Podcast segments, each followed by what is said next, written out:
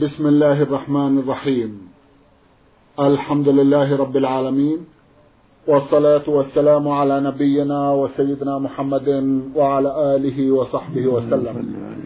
مستمعي الكرام السلام عليكم ورحمة الله وبركاته.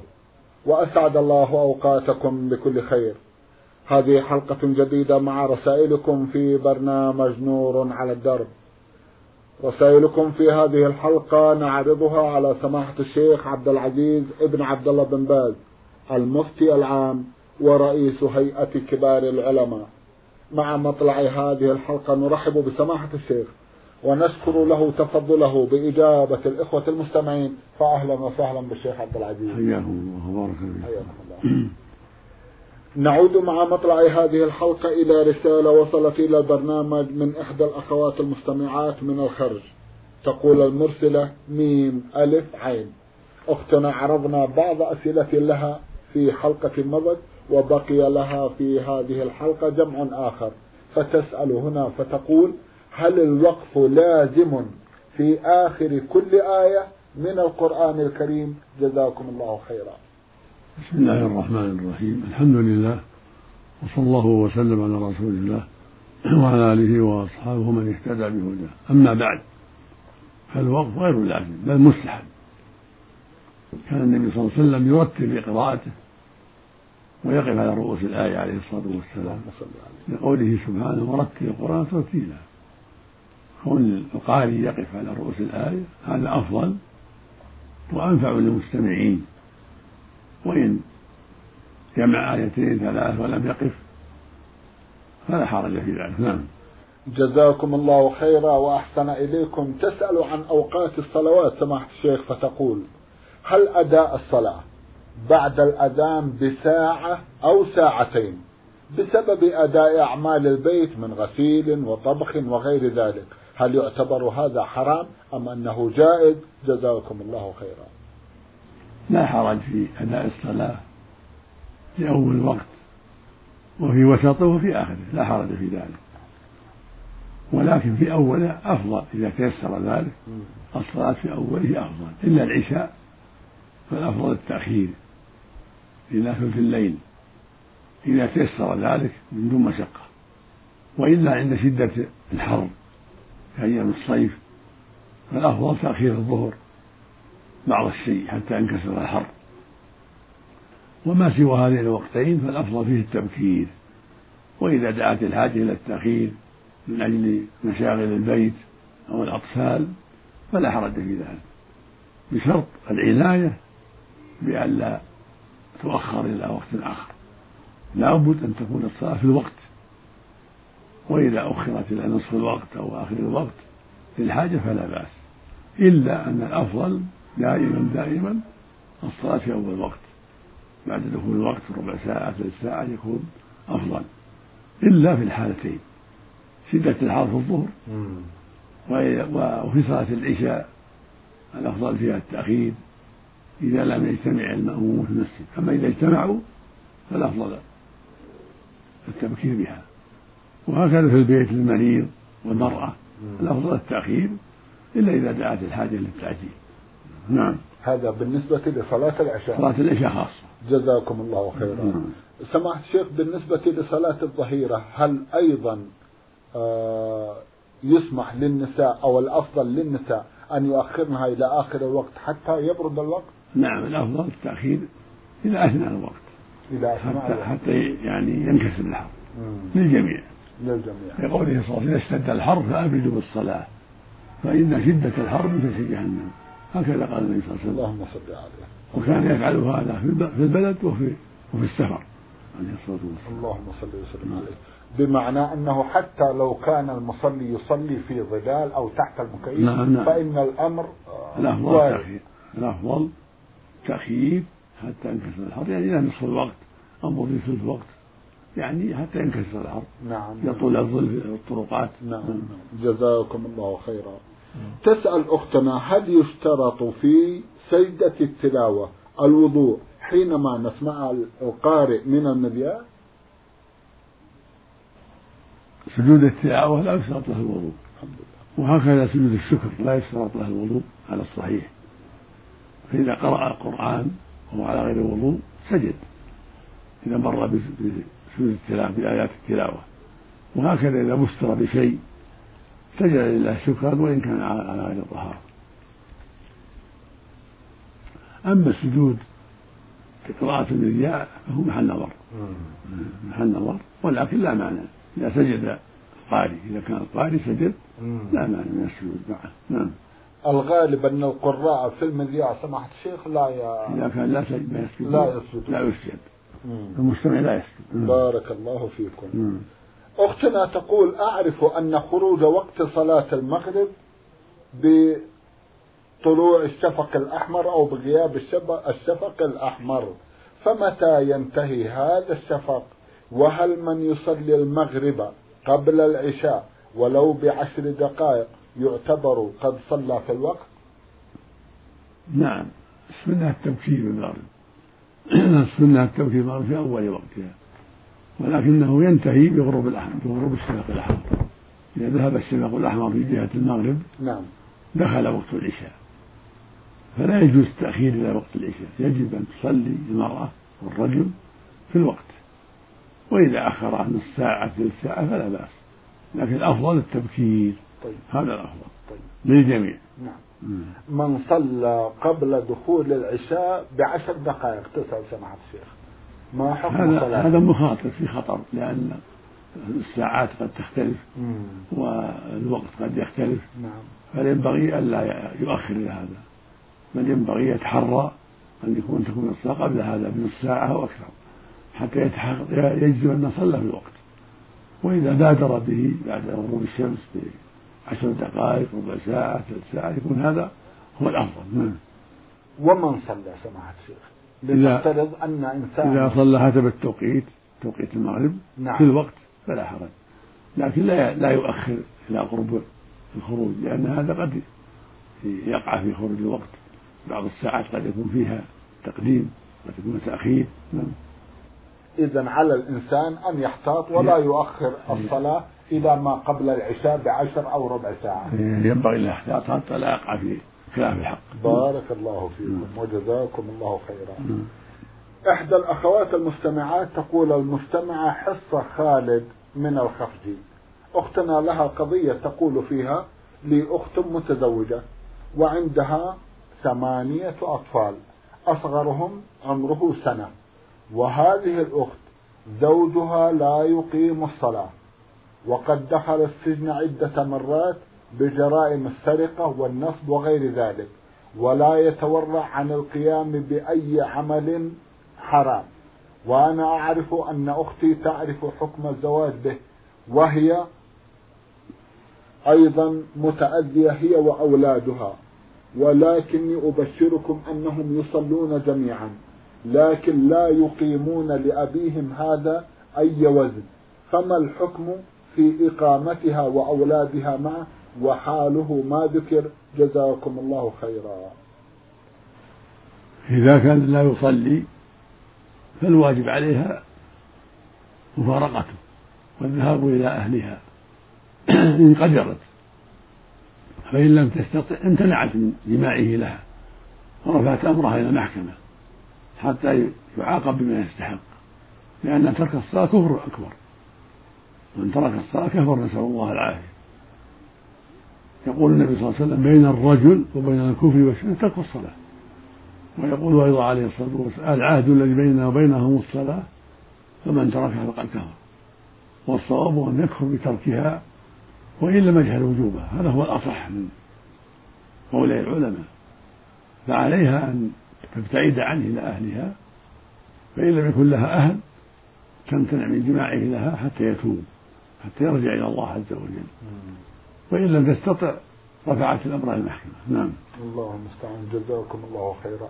أقاربها يسألون سماحة الشيخ يقولون ماذا يكون تصرفنا معها إذا أحسسنا أنها راضية بالبقاء معه يلزمهم. يلزمهم أن يفرقوا بين بينها وبينه. ولو من طريق المحكمة. ولو عن طريق نعم. المحكمة. جزاكم الله خيرا. أيضا يسألون عن حكم الأكل من أكل هذا الرجل ومن بيته وحاله ما ذكر. أكل طعامه لا حرج فيه. كل ما يكون طعامه لكن يجب أن يهجر وأن يظهر له البغضاء والعداوة لكن صادف طعاما عنده وأكل منه ما يحرم مثل ما يؤكل من طعام اليهود والنصارى وغيرهم. لكن ذبيحته لا تؤكل إذا يذبحه شيء لا تؤكل إذا ذبح شيء لا تحل ذبيحته. أما خبز أو تمر أو فاكهة لا بأس. أو ذبيحة ذبحها غيره لكن يجب هجره وتوبيخه ونصيحته لعل الله يتوب عليه. لعله يتوب فيتوب الله عليه. جزاكم الله خيرا وأحسن إليكم. من دولة قطر إحدى الأخوات المستمعات بعثت برسالة تقول أختكم فاطمة محمد من قطر. أختنا تسأل عن قراءة القرآن في الركوع والسجود. ما حكم ذلك؟ وهل وقع من علي رضي الله عنه حتى توجه النهي إليه كما ورد في الحديث؟ ثبت عن النبي صلى الله عليه وسلم أنه نهى عن القراءة في الركوع والسجود. وقال علي رضي الله عنه أن الرسول نهى عن ذلك. وكأن عليا فعل ذلك جاهلا فنهاه النبي صلى الله عليه وسلم عن ذلك. ويحتمل أنه نهاه لئلا يفعل. وثبت عن ابن عباس أيضا أن الرسول نهى عن القراءة في الركوع والسجود. فالقراءة محلها القيام أو القعود في في حق المريض والمتنفس أما الركوع والسجود فإنه لا يقرأ فيهما. نعم. حرام لا يجوز. طيب. جزاكم الله خيرا. تقول هل للمرأة النفساء حرج في إقرائها لولدها لتحفظ لتحف هل للمرأة النفساء حرج في إقرائها لولدها القرآن الكريم حتى يحفظ على يديها؟ الصواب؟ لا حرج. الحمد لله. من غير المصحف من غير المصحف طيب. عن ظهر قلب نعم. جزاكم الله خيرا. هل قراءة الفاتحة في الصلاة تكون بنية القراءة أم بنية الدعاء؟ جزاكم الله خيرا. نعم بنية القراءة وفيها الدعاء. وفيها الدعاء. نعم بنية يقرأ بنية القراءة وامتثال أمر الله والرسول. ثم بنية الدعاء. إذا نوى الدعاء ما يضر الدعاء حاصل. اهدنا الصراط هذا دعاء. طيب. نوى أو لم ينوي. بارك الله نعم. فيكم. هذا سؤال أختنا ولأنها تقول لماذا نؤمن على الدعاء فيها؟ لأن القارئ يدعو. اهدنا الصراط المستقيم. فهو يؤمن ويؤمن أيضا المأمومون على قراءة الإمام. نعم. جزاكم الله خيرا وأحسن إليكم بعد هذا رسالة وصلت إلى البرنامج من المستمع فضل قاسم يحيى اليافعي. أخونا يسأل عن التكبير في يوم العيد. يقول هل هو سنة أم بدعة؟ لأني ألاحظ أنه اختفى في كثير من المناسبات. جزاكم الله خيرا. التكبير في أيام العيد سنة. يوم العيد الفطر ليلة العيد وصباح العيد حتى تنتهي الخطبة. هذا في عيد الفطر. يستحب التكبير ليلة العيد وصباح العيد إلى انتهاء الخطبة من الإمام والمأموم وغيرهم. أما في عيد النحر فيستحب التكبير أول شهر الحجة من أول شهر ذي الحجة إلى نهاية اليوم الثالث عشر ثلاثة عشر يوما كلها محل تكبير من أول يوم إلى نهاية اليوم الثالث عشر غروب الشمس كله تكبير وفي يوم عرفة وما بعده يجتمع فيه التكبير المطلق والمقيد. التكبير المطلق في جميع الأوقات في يوم عرفة وما بعده والمقيد عقب الصلوات الخمس. يكبر بعدها. نعم. جزاكم الله خيرا وأحسن إليكم من المستمع محمد بن عبد الله آل صالح من الرياض. بعث يسأل عن حكم من انتقض وضوءه أثناء طواف الإفاضة. هل يعيد الطواف أم يبني على ما تقدم إذا توضأ أم كيف توجهونه؟ جزاكم الله خيرا. مثل الصلاة. انتقض انتقضت الطهارة يعيد الطواف. مثل الصلاة. إذا أحدث في الصلاة يعيدها من أولها. هكذا الطواف إذا خرج منه ريح أو غيره من النواقض فإنه يعيد الطواف من يتوضأ ثم يعيد الطواف من أوله. يلزمه إذا كان الطواف فريضة. أما إن كان الطواف نافلة فهو مخير نعم إن شاء عاده وإن شاء لم يعيده. نعم. جزاكم الله خيرا وأحسن إليكم من المملكة الأردنية الهاشمية رسالة بعث بها أحد الإخوة يقول أخوكم شافي عابد الصخري. يسأل جمعا من الأسئلة من بينها سؤال عن الدخان. هل هو حرام أو مكروه؟ وإذا كان محرما فهل حرمته كحرمة الخمر؟ جزاكم الله خيرا. الدخان محرم بلا شك. لأضراره الكثيرة وخبثه. الله جل وعلا يقول يسألونك ماذا أحل لهم؟ فقال سبحانه قل أحل لكم الطيبات. فالله ما أحل عباده إلا الطيبات. والدخان ليس من الطيبات من الخبائث. كالمسكرات والمخدرات. فالواجب الحذر منه. لمضاره العظيمة في الدين والبدن. والمال والسمعة. فالواجب الحذر منه. ولكن الخمر والمسكر أشد تحريما منه. ما كان من الشراب أو الأكل يسكر هذا أشد. أما الدخان فهو يضر كثيرا وقد يسكر في بعض الأحيان بالنسبة إلى بعض الناس إذا تأخر عنه ثم شربه ولكن بكل حال فهو أقل من الخمر الذي قد عرف إسكاره.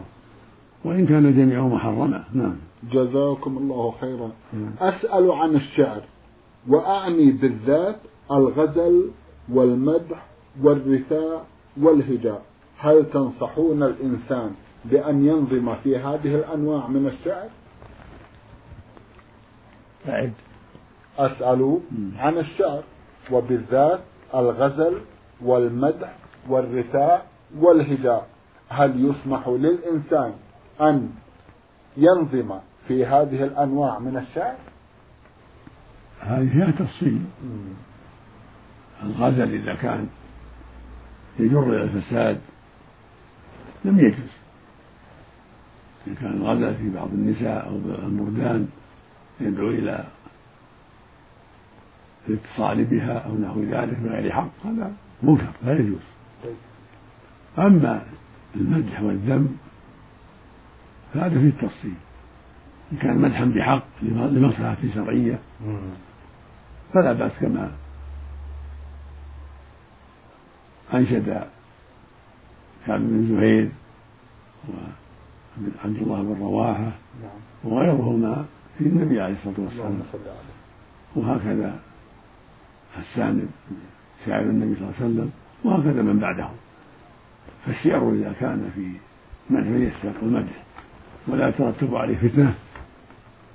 وهو صادق في قوله فلا بأس. أما في وجه الإنسان فينبغي ترك ذلك. إلا الشيء القليل. لقوله صلى الله عليه وسلم إذا رأيتم مداحين فاحتوا وجوههم التراب. لكن الشيء قليل فعنه وأما إذا كان من غير مواجهة بل لبيان الحق كمدح العلماء في تراجمهم وبيان شأنهم فلا بأس بذلك. طيب. ومدح الإنسان من الشيق والمدح في غير وجه لمصلحة شرعية فلا بأس. وهكذا الهجاء إذا كان المهجوم يستحق لبدعته أو ظلمه فلا بأس. نعم. جزاكم الله خيرا وأحسن إليكم. إذا كان هناك فقير لكنه لا يصلي هل يجوز أن نعطيه الزكاة؟ أم نصرفها لزوجته ولأولاده؟ الفقير الذي لا يصلي لا يعطى من الزكاة لأنه كافر على الصحيح وان لم هذا الوجوب. فإذا كانت زوجته مسلمة محتاجه إلى النفقة لأنه لا ينفق عليها تعطى من الزكاة لذاتها. ولكن لا ما لا ما يعطى من غير الزكاة. تأليفا له لعل الله يهديه. يعطى من غير الزكاة لا بأس. نعم جزاكم الله خيرا وأحسن إليكم. أسأل عن هذه الكلمات هل وردت في أحاديث النبي صلى الله عليه وسلم؟ تعلموا السحر ولكن لا تعملوا به. لا هذا لا أصل باطل. لا أصل له. طيب. لا يجوز تعلم السحر ولا العمل به. بل يجب الحذر منه. نعم. تعلمه وتعليمه كله كفر ضلال. لأن لا يتعلم إلا بواسطة الشياطين وعبادتهم من دون الله نسأل الله العافية. جزاكم الله خيرا. إذا غضب الله على قوم جعل صيفهم شتاء وشتاءهم صيف هل هذا حديث؟ لا أعلم له. ليس له أصل. بارك الله فيكم. بعد هذا رسالة وصلت إلى البرنامج من منطقة الباحة قرية بني سار. باعثة الرسالة إحدى الأخوات تقول أمل عبد الله. أختنا تقول عن نفسها إنها امرأة أرملة. ومنذ أن توفي زوجها وبناتها يقولون إنك لن تري زوجك في الآخرة. فهل ترى المرأة زوجها في الآخرة؟ وجهونا حول هذا الموضوع. جزاكم الله خيرا. هذا أمره إلى الله عز وجل. سبحانه هو الذي يحكم بينهم سبحانه وتعالى فقد يجمع الزوجين وقد تكون للآخر قد تكون الأول إذا كان لها أزواج. فالله جل وعلا هو الذي يقدر ثوابهم ويحكم في ذلك سبحانه وتعالى. قد ورد في بعض الأحاديث التي في سندها نظر أن المرأة إذا كانت ذات أزواج أنها تخير. يوم القيامة إذا كانت من أهل الجنة تخير فتختار أحسنهم خلقا. ولكن في سنده نظر. والحاصل أن يقال في هذا هذا أمره إلى الله عز وجل.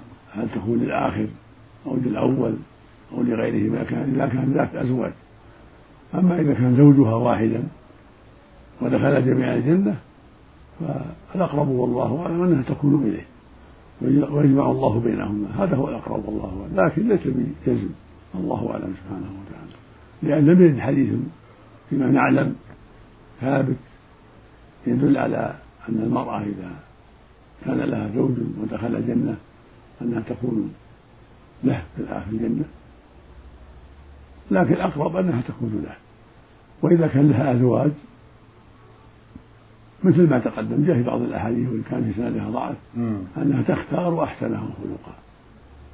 لكن الجزم في هذا إلى الله سبحانه هو الأعلم بما يكون يوم القيامة. إلا أزواج النبي صلى الله عليه وسلم فإنهن أزواجه في الآخرة خاصة. بما جاء في السنة في ذلك. أزواجه صلى الله عليه وسلم هن أزواجه في الآخرة نعم.